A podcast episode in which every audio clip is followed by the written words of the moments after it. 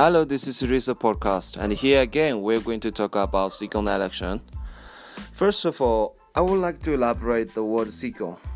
Sikyong means the president in Tibetan and the person who holds the highest position in the Central Tibetan administration.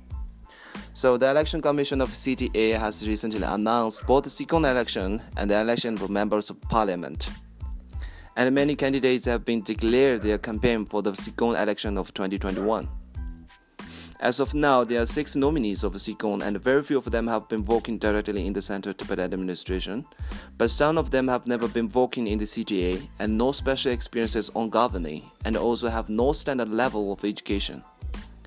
So, talking about working experiences and education, we are just hoping that the next Sikyong, whoever will come to that position, an accountable and responsible one accountable and responsible not only in the sense of governing, but also in reaching the whole community as far as possible. The person who can promote both economic and social welfare, and especially education. We want a leader who can lead the whole community and not just a small group of people who he felt close and dear. We want a leader who neglects the social trends of nepotism and fight for justice for all.